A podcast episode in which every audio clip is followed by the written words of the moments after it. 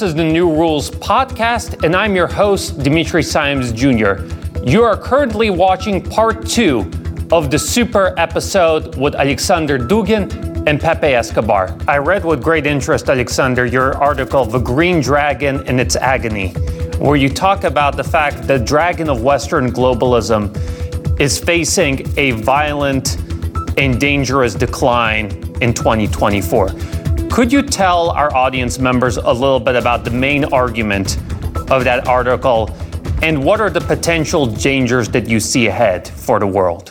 So, my consideration is based on the so-called heptarchy concept. Heptarchy is uh, seven poles, seven uh, powers, and we see precisely seven civilizations in the present world: Western civilization, that still tries to, to keep, to, to save its global hegemony, and that is the dragon.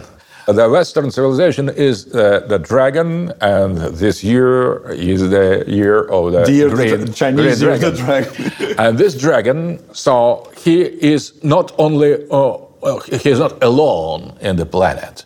He thought himself uh, as the unique power. That is the end of the history. That is unipolarity, unipolar moment. So the gra- the dragon uh, has many names, but that's still the idea of, of the huge monster trying to submit all the humanity uh, under its rule.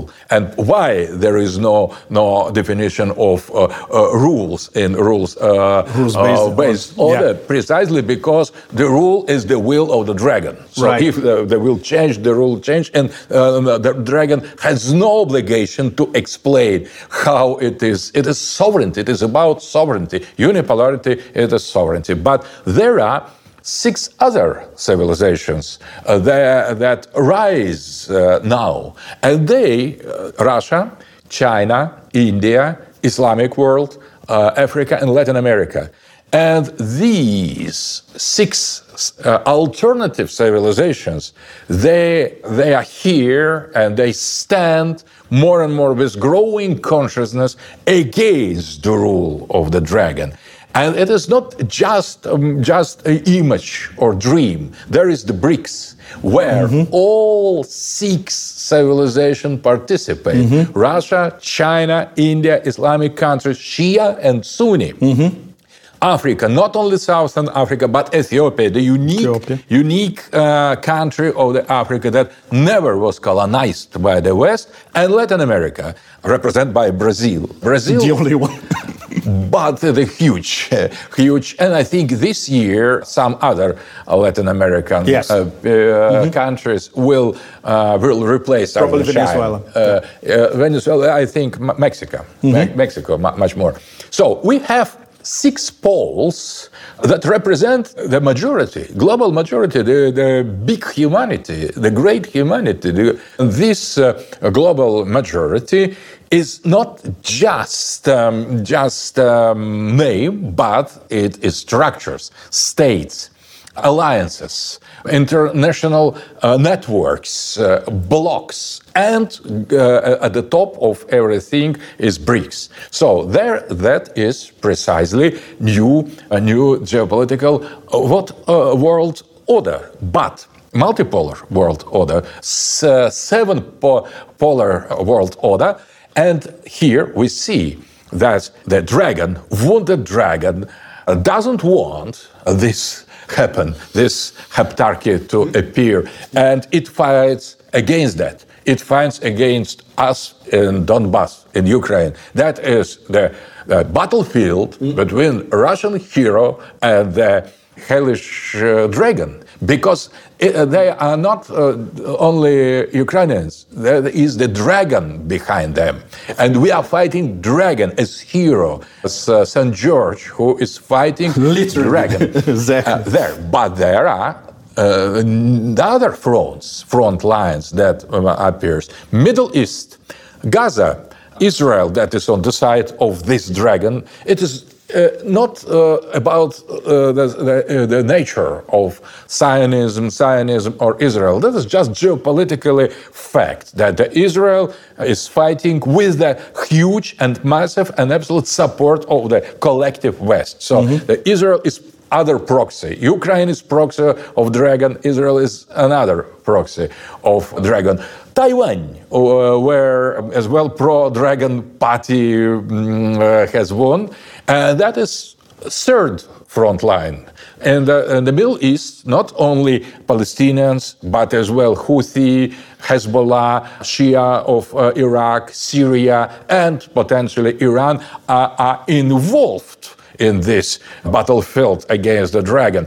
And I think that um, Western Africa countries that started liberation uh, uh, war uh, and, uh, and fight and battle against uh, French colonialism in Mali, Burkina Faso, mm-hmm. and in other countries, that is another another future front line. And maybe Essequibo in Venezuela uh, on uh, uh, other con- confrontations in the Latin America will will become the, the, the other front line. So uh, the only thing India is not yet involved in this direct confrontation with Dragon, mm. uh, but India is uh, uh the Dragon uh, wants to manipulate India against Islam and against China. But mm-hmm. there is the good relations between Russia and India, so uh, everything could turn in different situation. And if we consider that declining power of Dragon in this year will confront with the rising power of other uh, poles of heptarchy, you could say objectively that to, to, to lead uh, two or three wars, big wars against China, Islam, and Russia at the same time I, I, I, don't think that the collective West could afford that. So that is a kind of doom. So the Western power, the, the Western hegemony is doomed. Maybe this year, because it is the year of dragon, maybe they would like counterattack precisely this year. But uh, uh, in the future, I think the West is doomed not to, to, to disappear, not to fail, but to to pretend to be unique and uh, hegemonic power. So the West could be saved and could be made great again if it accepts, if the West accepts to, to be regarded as just a part of humanity, mm-hmm. Western part. So, as civilization, the West could prosper, but as hegemonic, unique, unipolar power, it will be um, destroyed, I would say, in ambition, not in the infrastructure. Ambition. So, a kind of idea of the globalist West should die because the idea of hegemony is dragged, not the, the West itself. And the uh, societies of the West are just hostages in that situation. Pepe, do you agree with that assessment that the West sees the emergence of the multipolar world, that Western elites are in panic mode, and that accordingly, the reason why they're trying to flare up all these various conflicts is because this is sort of a last ditch effort to maintain their hegemony and maintain their global empire? Well, divide and rule, we, we all know how to use divide and rule in geopolitics to weaken the other side. And they always have no plan B for divide. They, they have no other way, for instance, of trying to cultivate uh, the consciousness of uh, peoples around the global south and try to sell a soft, acceptable, an equitable uh, version of Western values, as they say. The only, I would say, the only configuration of Western values that they have to sell is what is spilled out by the European Commission in Brussels. We all know what that means, right? And these are not the values of Europeans. The European Commission in Brussels is probably the most Kafka esque organization in the planet. It takes you two or three days over there at the Parliament building and see how it works. And Kafka could never imagine something like that. So it works for them. It works for 27, 28,000 functionaries with huge salaries and huge pensions when they retire.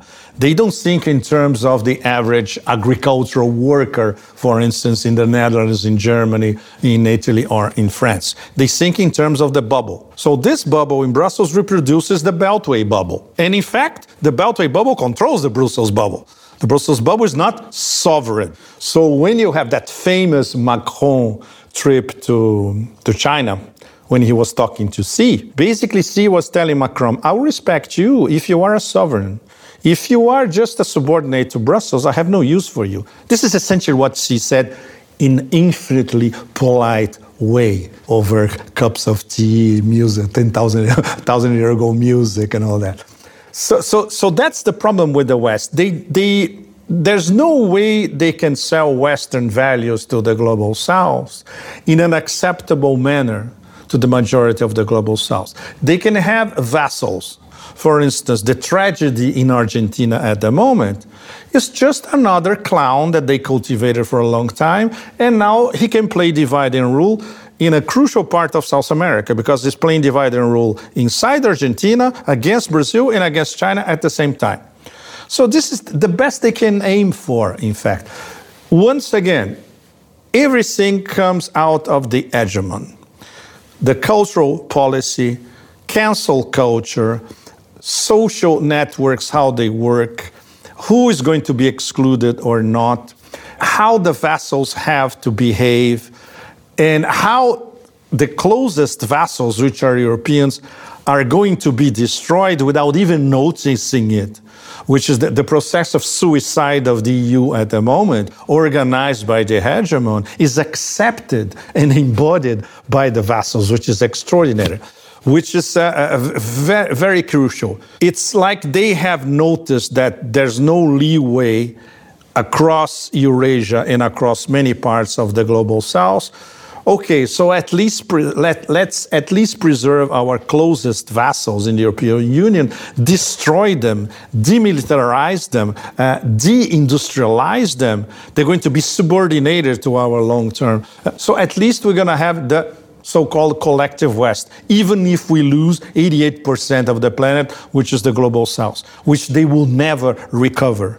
And not only because of the war in Ukraine, because most of the global South understands what's being played at in Ukraine, because of the genocide in Gaza, which was, I would say, the definitive slab in the mortuary for Western values. Because now a guy in Nigeria and a guy in Cambodia, he looks at the genocide 24 7 on his smartphone. He perfectly understands who is conducting it, who is supporting it, and who is legitimizing it. So that Western values are already dead. And as Alexander explained, what will come next? Uh, what, uh, this uh, new re possible renaissance of the West, where will it come from? From which values? Considering that they lost all their values. And that's what uh, I would say a minority of uh, great intellects in Europe, especially in Germany and Italy, and now one or two in France nowadays, that's why they are so desperate, because they, they don't see any future for Europe. Because e Europe decided to kill itself, not Europe, these current mediocre, appalling European elites. So, Alexander, you know, at the end of your last answer, you mentioned that Europeans and Americans are hostages to their own political systems, and that as Russians, we should feel a certain amount of sympathy for them, a certain amount of solidarity for them. Could you elaborate on that argument and in what ways exactly are Europeans and Americans hostages of the situation right now? Are they not beneficiaries of Western hegemony? I think not, not at all. They are the real victims, first victims, because I think the dragon, first of all, he has he has uh, put his power over the, the closer uh, circle. So the, the the dragon, first of all, has submitted to its rule the Western European people, destroying their ties with the roots, destroying their identities, creation uh, artificial immigration in order to, to shake to, to destroy, to cancel all the cultural ties with the classical roots and foundations of. Uh, European uh, civilization. If we consider the main ideology of the uh, Western European elite,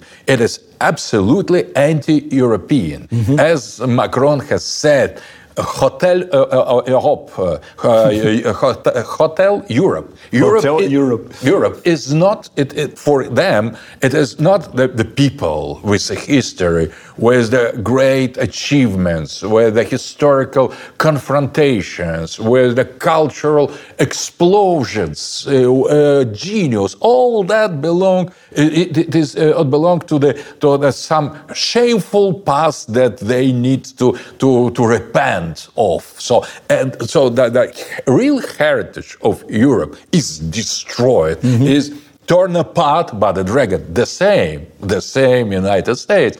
Uh, Patrick Buchanan has said once, so Americans, you have won the world and you have lost yourself. Uh, I think that is mm. very, very wise, wise uh, formula saying and that is precisely how gl- global elite has put under control uh, the peoples of, of, the West, including Americans. And now, if we, uh, not European, not Western, collective uh, Westerners, uh, collective rest, if we manage finally to kill the dragon, the hostages will be liberated. They, they will come out from the, the cave where they are taken as prisoners uh, in the chains, uh, not daring anymore to say, oh, we, we have uh, our past, we have our identity, we have our mission in the world. You have nothing, says the dragon to the, the normal uh, Americans from no-fly zones. You, you are, um, you are killer. Uh, um, uh, they say globalist elites to average, average European men. So you are a slave trader. You be, you should be ashamed. So th there is no Europe for dragon. No, no America. And we will liberates this population, these hostages, I think they will try to restore the real greatness of the West. They would like to, to, to, to make America and make Europe great again, flourishing territories with the real meaning, with the classical principles, with the Christian faith, with the uh, Plato and uh, Aristotle Aristotle um, teachings, but what they, uh, the West will be obliged to do, it is to revise the history of modernity, because mm -hmm. that was that turning point, and this direction in, in favor of modernization, atheism, materialism was wrong.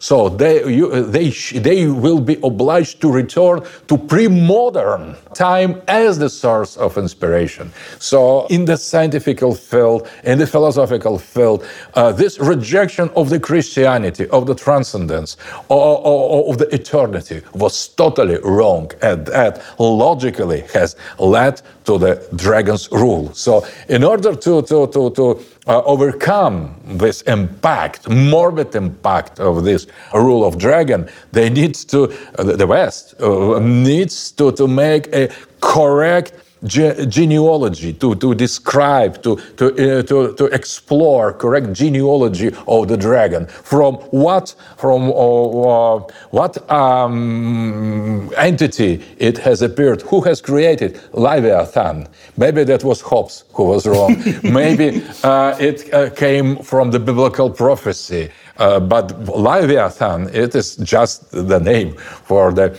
uh, sea power in the geopolitics and for the for thalassocracy. Yeah, thalassocracy. Yeah. yeah. So I guess that begs the question because you said that Europe is no longer European and America is no longer American.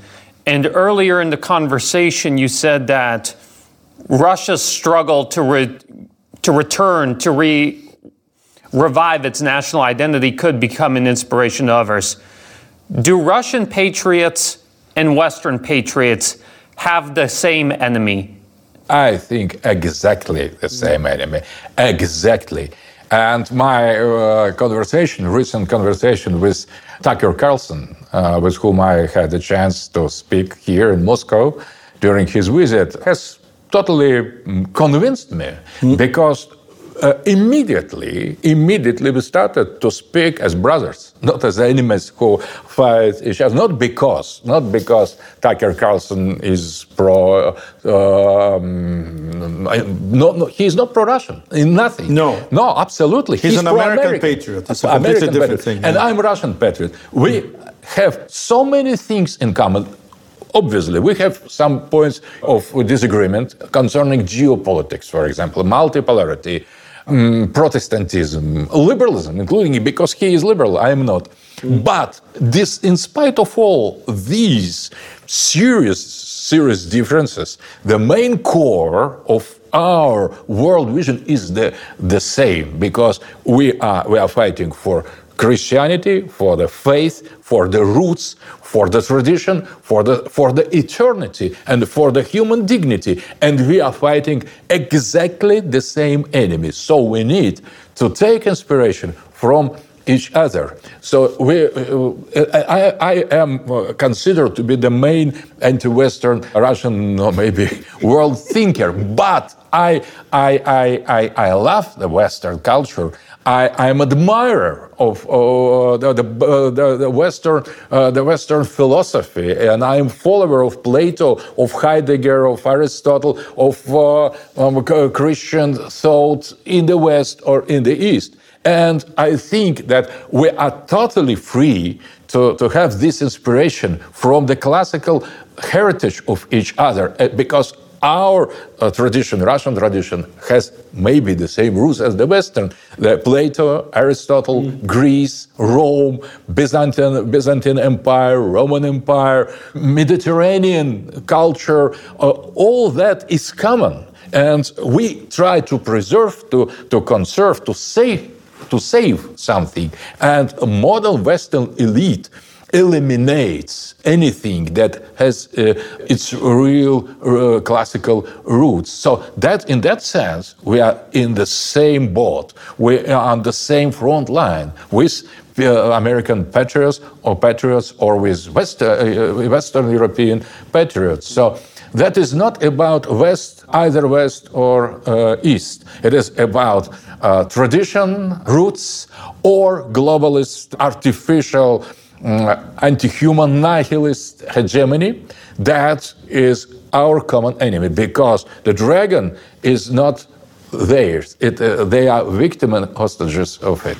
Pepe i want to ask you as a parisian that we've been seeing quite some remarkable events taking place in europe in recent weeks. We've seen massive farmer protests all across the continent and a lot of people are inclined to dismiss them because they say, well, remember the yellow vest protests, remember the railroad strikes. There's always protests in Europe, and, you know, there's nothing special about it. Is this time different? Are we on the brink of a European awakening, a European spring, or will this uh, sort of peter out like previous protests have? For the moment, it petered out like the previous ones because it was basically hijacked by unions, and unions in France are extremely corrupt. On a popular level, if you ask anybody in France, in any region of France, they are pro agricultural workers. It's a nation of peasants, essentially. And people who live in Paris, their families came from the Campagne. They are all essentially peasants for millennia, in fact. The problem is uh, if there is no political organization, considering this in many aspects is a grassroots movement. You have different levels of peasants. Since, uh, let's say, agricultural workers uh, cultivating the, the land with their own hands, to, let's say, middle class agricultural entrepreneurs, to upper middle class agricultural entrepreneurs who live in the cities and have property in the campaign. So there are different levels and all that. What they all united against is uh, very straightforward. Is the European Union directive to basically kill small agriculture all across Europe. This is the number one rule. Why? Because they want big conglomerates to take over and they want to go into their GMO green economy scam deep down. And everything controlled by four or five investment banks, essentially. This is the master plan. So, obviously, if you have a small agricultural producer in the Champagne in France or in the Piedmont in Italy, let's get rid of them. The problem is these are the people who made the, the wealth of Europe for centuries. You know, uh, Italy is a, a, conglomeration of small agricultural workers who then move to the cities and then they have power and then they influence uh, regional governments and then they influence Rome. Uh, and, and France is exactly the same thing. They all come from different parts of France, and then when they get to Paris, they have their interests defended in Paris. The problem is the people who are the National Assembly in Paris is not defending their interests anymore because they're defending the interests of globalist, um, great reset, Davos agenda people. And, and this is very important because we should not underestimate ever the destructive power of Davos Gang, WEF, the way they are interconnected all over the world, and their connections with big pharma, big banking, big agricultural concerns.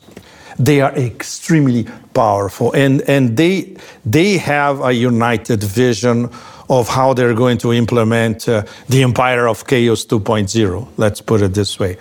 And so the direct link between the people who run American foreign policy in the Beltway, the Straussian neocon cycles, and the Davos gang, they are interlinked. They may differ in details, but not on the overall vision. It's about total power, total control, and the small ones should be deleted to the profit of a very, very small configuration of conglomerates who will then run the world and implement green agenda, all the, you know, uh, decarbonization, you name it.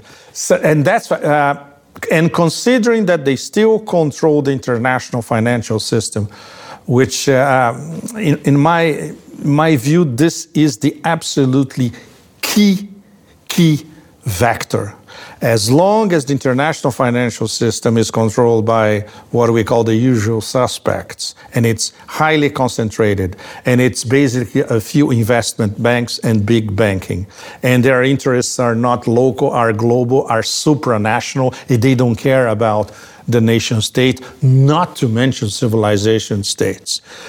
As long as their power is not undermined, we continue to be in deep trouble, all of us. You know, that begs a sort of fundamental question that I often ask myself when I look at European populism. Because on the one hand, I see that there is a genuine wave of people all across Europe who want change. But it seems to me that unless the fundamental geopolitical situation changes, it won't, it won't be possible for individual European countries to become a sovereign great again. Mm-hmm. Because so long as the United States is the predominant military power in Europe, so long as all the European countries are dependent on the United States for its technologies, and so long as they're dependent on its financial system, none of them will be able to push back against what you said is the globalist Davos system. Would you both gentlemen agree with that thesis? I, I, think that mm, you're right. So, uh, this um, American strategy uh, concerning Europe um, that doesn't let them to to to to to, uh, to breathe. So they mm. could not breathe. Mm. Uh, but um, I, I think that there are some interesting elements. First of all, on the side of Trump. Trump recently has said that if European countries will not pay their their part uh, for NATO for budget, NATO. so we will uh, leave uh, them to Russians. So it's a good idea, I would, uh, I would say, uh, and um, we, we, will not uh, invite them, but at least the West will be split and will not represent any more such huge threat existential threat for us. But that is the, um, Trump's idea, Trump is more or less likely to become new president. So we could we could hope that uh, the, this dominance of the uh, United States over Europe will end. On the other hand, in Europe, there are new tendency uh, represented uh, recently by one uh, German general to the new appeal to create uh, the European army. And that was after the fall of the Soviet Union in 92. I have spoken with one a French general who was in charge to prepare creation of full-scale European army, Eurocorps, mm. just after the fall uh, of the Soviet after Union. Soviet Union. Uh, and during half of a year, six months, he has managed to do that, to prepare all, all the necessary uh, infrastructural elements, and he has received the order, uh, stop. Stop. stop. Yes. And that was after that expansion of NATO and so on. Now, that is second second door. That is very interesting. So, so, for the second time in the Europe, they begin to speak about mm. necessity to create independent European uh, armed Army. force. Yeah. And that is very important because that means that uh, Europe can um, starts now to, to starts now to, to think about restoration of its military uh, sovereignty and independence to create European great space or European uh, pole and uh, American pole, European pole, not necessary enemies or foes, maybe allies, but not interdependent. So as two separate, independent and sovereign geopolitical entities. That would be great solution, I think because I don't believe uh, that's my difference with uh, with some of Europeans, uh, European friends. Uh, I don't believe in the possibility to to save national state. I don't think that uh, France, neither France nor Germany, not to speak about all the rest of the Europe, could be really sovereign in the present uh, to compete, for example, with Russia or with uh, China or with India. So uh, they are too small. Only Europe, as such, uh, joint uh, Europe, uh, integrated Europe, could create this pole, but on totally different uh, basis. So they need new principles. They, they need a return to identities. They need to to destroy, I would say, or, or these liberal elites of Davos. So mm. they mm. should be, because Davos, it is the other name of dra dra dragon. Uh, Schwab is clearly, he, he is the black magician uh, of, of dragon. he, he, has the, the, the, look like that. So he, he doesn't uh, hide that. So I think that liberation of the European hostage uh, uh, will be possible only in re reshaping and restoring and uh, re reaffirming uh, pan European identity and unity. So I don't think that destruction of, this, of the European Union will be solution because Im immediately the, the parts of this ex-post-European Union will be used by the other great, great power, other poles of heptarchy to, to fight against each other or to, to, to play at least against mm. each other. So I, I, I love too much Europe uh, to, to, to desire to, mm. to it to, to, to, to, to, to have such a sword, such deplorable destiny. So I, I think that uh, Europe should be revive, uh, revived, uh, restored, recreated, but on totally different principles, on the traditional values, on the return to the pre-modern attitudes and values and principles. And I think uh, the, the, last thing I would like to, to, emphasize about the peasants. I think that the capitalist revolution started with the destruction of all traditional estates. Mm. First of all, uh, clergy and nobles. Uh, nobles. Mm. But we, we, uh, we should not, we should not uh, forget that the third traditional and most important estate that was uh, the basis of European identity were, were the peasants. Mm -hmm. And mm -hmm. now the last last uh, traditional estate uh, is under threat to be totally destroyed, totally, as you Pepe has uh, explained very correctly. So now we assist, and the finalization of the destruction of the tradition in Europe mm. because the real traditional identity in, of Europe is not in the noble, nobles. Uh, nobles they don't exist almost or mm. totally totally they have betrayed their, their their their status in favor of capitalists and bourgeois we have no anymore clergy so now it is deplorable what the Vatican represents mm. or uh, Protestant churches they're just just the clowns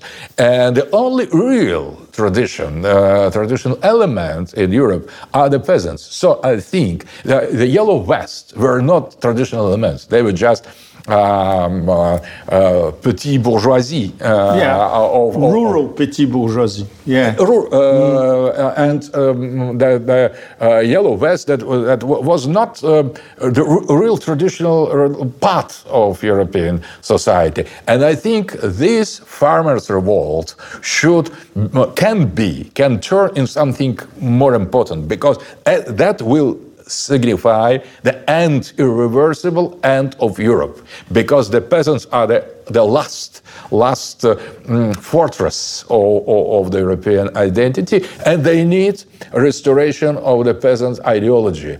And I think uh, I, I, call that third caste uh, traditionalism because in the traditionalism and the philosophy of traditionalism we have priests version we have uh, warriors version but we lack the traditionalism for the third estate. That was precisely not bourgeoisie, but peasantry. And I think that this farmers' revolt should be supported absolutely, uh, ideologically, uh, infrastructurally. So we need to, to understand the peasantry as the most revolutionary power, revolutionary as Mao power. Has, yeah. has done in his. And no wonder they're supported by 87% of the French population. It's enormous. Because Can, it is about deep identity. It's about deep. It's, it's their deeper right. identity. Can I complement something that, uh, in fact, complement Alexander a little bit in a few, sure. I would say, crucial details very quickly. From the point of view of the ruling elites in Washington, those silos that are ruling a foreign policy, they will never accept NATO to dismember. That's one thing. What they are doing, in fact, they are already dismembering the EU. So there is a dichotomy between NATO has to be preserved, and at the same time, we have to destroy the EU from the inside. You know why? Because they are transferring the axis of power inside the EU from France, Germany to a NATO uh, axis. London, Warsaw, Vilnius, War, uh, Kiev. This is what the Straussian neocon cycles want. They want NATO to be focused on this axis and sideline France and Germany. You know why? Because they're still traumatized by 2003, the invasion of Iraq. Do you remember who was against it in 2003? They will never forget them for that, you know. And Chirac, now, Schröder, yeah, France, Germany. Yeah, exactly. France and Germany. And Putin. Was, was uh, Schröder, and, uh, Chirac and Villepin and Putin. It was, it was a Russian, France, German coalition who said, what you're doing is, is completely, uh, you know, it's completely absurd. And the neocons never forgot that. And they want to have another go at it with this new NATO alliance. London, Warsaw, Vilnius, uh, Kiev. So this will be the new NATO. And using this rabid Russophobe, uh, you know, Pol- the Polish and the Baltics especially. And this could go on for another, what, decade or two decades or three decades. And of course, Russian intelligence, they know about, and I'm sure they have their counter punches ready, yeah. right? But the problem, the, the, the interesting part is that we cannot rule out, depending on the next governments in France or in Germany, that they get their act together, say, okay, we're going to do our force de frappe European ourselves, nothing to do with the Americans, and we're going to start restart our relationship with Russia. And this is what some of my best German friends, independents, are saying there will be a new Bismarckian treaty between Russia and Germany. Okay, even if we have to wait 10 years or 20 years, but it will happen. And I, I guess that brings me to my final question, which I want to pose to both of you. Over the course of this conversation, we've come to the realization that the world is on the brink of major changes and that these changes are going to bring major upheaval because the Western globalist elite will not give up their power without a fight. And the worst case scenario is World War III. And a better case scenario, but also pretty bad, is what you call the raging 20s a period of turmoil and instability and you know lower scale violence. Mm. I think the, all of our audience members have the same question. How do we get this, through this period of chaos? And what can we expect on the other side of the rainbow?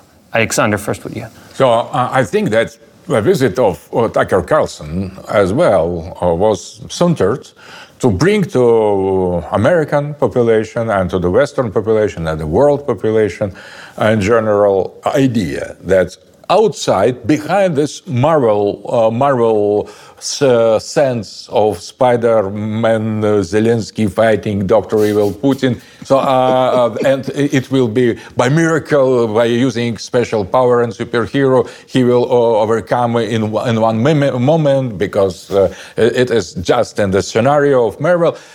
A reality behind such a stupid movie is that America attacks by missiles the nuclear power Russia. So outside of, of, of, of this uh, uh, cine, uh, cinema hall, so the reality is quite different. Mm-hmm. So your fight with your Patriot structure missiles, the, the, the old Russian cities as Belgorod, and you heat nuclear power. Uh, so response at any moment could result could be could result into the mutual uh, nuclear strike mutual, in any exactly. moment outside. So if you think you watch the TV, no. You just are provoking uh, the nuclear war and self-destruction of all humanity. That is very important message of Tucker Carlson. So look what are you doing? What this crazy old senile uh, sleeping Joe is doing with his uh, idiots around him. The, you attack nuclear power, you provoke extinction of the human um, uh, human um, being, uh, mankind. So that is exactly what are you doing. Are you ready, middle average American? Are you ready to sacrifice yourself, your family, your wife, your children, your, your people, your country to this crazy globalist elite. Uh, and uh, uh, uh, wake up, wake up. The, the, the, the, movie is over. So let's, let's come to data, let's come to the reality. In the reality, our American missiles hit now the Russian towns. And uh, the head of this nuclear empire is very rational, very calm, but very, very, very serious man, Vladimir Putin. And all you are alive because he is rational uh, and in spite of your own irrational uh, leaders. So that was the main message, I mm. think. Mm -hmm. So if uh, America, if the West uh, get accept the message, we could avoid the worst. But the worst is quite possible. For example, Putin sees how American missiles hit our towns. Maybe in this moment, in this second, in this minute, he would decide that it's enough. That he otherwise, if he if he let it be more and more, so the Russia will be destroyed. So if uh, he uh, doesn't uh, doesn't respond, that will mean the, the, the defeat of Russia. push, the, he pushes the button. And there is the end of humanity here we, we uh, he is ready to that. He has mm -hmm. declared that, and he has said as a response. As a response, yeah. if there will be no Russia, there mm -hmm. will be nobody. Mm -hmm. So that You can call that blackmail, but it is uh, what it is. So if you really aggress us, mm. we will destroy everybody, mm-hmm. including mm. ourselves, yourselves, and everybody else. So that is the real credo, a real belief of our president, who is the unique and sovereign master and uh, uh, who possesses the, uh, the instrument, the tool to fulfill the promises or threats. Mm. On one side, if in that situation we could not uh, see any future, there is the kind of the end of the history. Maybe it will be uh, like that, but that will be the future life, and that and we, here we shift to theological discussion that maybe we will reserve for the next time. but uh, if not, if uh, uh, the alternative is to accept multipolarity, accept not without problems, as you have said, not without local, regional conflicts, some, um, some scandals, some uh, confrontations, but humanity will be here. Uh, I think the al- real alternative is such, or difficult future of the humanity with new challenges, with new opportunities, with new with new wars and with, new peace, uh, uh, or nothing. So uh, that, that, what we have, and if we could not see uh, behind the the black black uh, wall of the mutual uh, extinction, nuclear, we could try to avoid it first and to try to make the multipolar, multipolar world the un unique, the sole possible, the sole probable, the sole uh, that means life and future, we, we, we could concentrate to make it better, to, make, to organize it from the beginning on the just principles, to, to, to imagine it uh, um, as something good, as, as friendly and prosperous and we need, in order to do that, we need to abandon globalist, liberal, Western, uh, egoistic vision of what human is, what God is, or why the why the Western society has killed God. Maybe that was a made mistake. Maybe that that was uh, wrong. Uh, so maybe don't do it. Not don't dare it. Don't do it. We, we shouldn't do it. We shouldn't do it, and we shall not uh, uh, do it in the future. So the God, without God, nothing. And I think that, that, that, the spiritual foundation of multipolarity, philosophical foundation, ethical foundation of multipolar world order, the real rules that we need to discuss and accept. Uh, all of us, all human uh, societies, with any, without any exception, we need to establish new rules for multipolarity in order to make this future world better. Pepe, do you want any to add anything to that? That's why uh, this this is the year of the great decision, as I called it in the beginning, because Russia is presiding BRICS for one year. So I would say that Russia has one shot to create, let's say, the, the philosophical stone for uh, driving towards multipolarity. They can expand BRICS, they can have an agenda of uh, deepening um, dialogue among the members, and the members that are close, and the 34 other nation states want to join in, plus another 40 or 50 who are seriously considering. Uh, at the same time, they have to manage extremely serious intra BRICS problems, especially India China. And the only ones who can do that are the Russians. They have been trying. Putin, Putin is only is, is capable to put Xi and Modi in the same uh, room and make them talk to each other serious issues. Nobody else in the world can do that. So this is also very important. Uh, from the point of view of the counterpunch of the, the hegemon and, and the vassals, it's going to be really tough because they will see throughout this year already, with the imminent collapse in uh, the black soil lands of Novorossiya, with NATO being humiliated like a million times more than in Afghanistan, with what could happen in West Asia because we know that Israel is not going to win their war against the axis of resistance as a whole, because now it's a war against the whole axis of resistance. So we have a sequence of major defeats for the hegemon and the vassals. So they're going to become like cage animals, even angrier. So what are they going to do? Uh, uh, apart from uh, the scenario that Alexander depicted, a possible nuclear war. They won't get to that, first, first of all, because they're cowards. Let's go straight to the point. Second, what they do always, as plan A and no plan B, divide and rule. So they're going to apply divide and rule all over the global south. For instance, tactically in Argentina, it's a victory for the moment technically inside uh, the disaggregation of the EU, the deindustrialization of the EU, and reducing France and Germany to the condition of beggars, tactically for the moment is a victory. But look, we have to we have to think in terms of the next decades, and this is essential. For instance, they can play divide and rule between Iran and Pakistan, using Balochistan, for instance. tactically, and technically, for the moment, it works. But long term is another story because in the long term, we're going to have uh, a, a, co- a fully coalesced BRICS with India, China, Russia, Persia. You know, I prefer to call it Persia in terms of civilization state, Persian civilization state. And of course, instilling a little bit of common sense to Emirates and, Saudi Arabia, which is very, very hard, but it's possible. And only Russia is capable of doing that.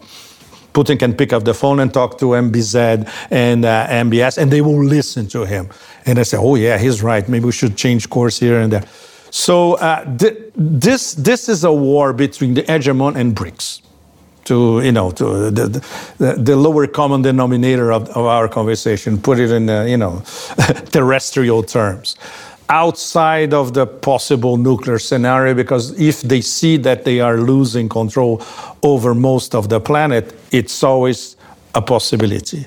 And especially considering who really dictate the terms in the Beltway that you know very well. And they are all irrational, as we all agree. And our audience, I assume, agrees as well. So, so, so, so this is what is in front of us. Uh, this is the year of the great decision because the BRICS have to solidify to the point that they can resist any divide and rule play by the I would say, totally desperate hegemon. I want to thank our audience members for tuning in to this new rules super episode. I'm your host, Dimitri Simes Jr., and our guests today were Alexander Dugin and Pepe Escobar. If you want to keep up with our work, Please like us on Twitter, on Rumble, subscribe, share our content. It really helps get the message out there. Thank you all for tuning in. Till next time.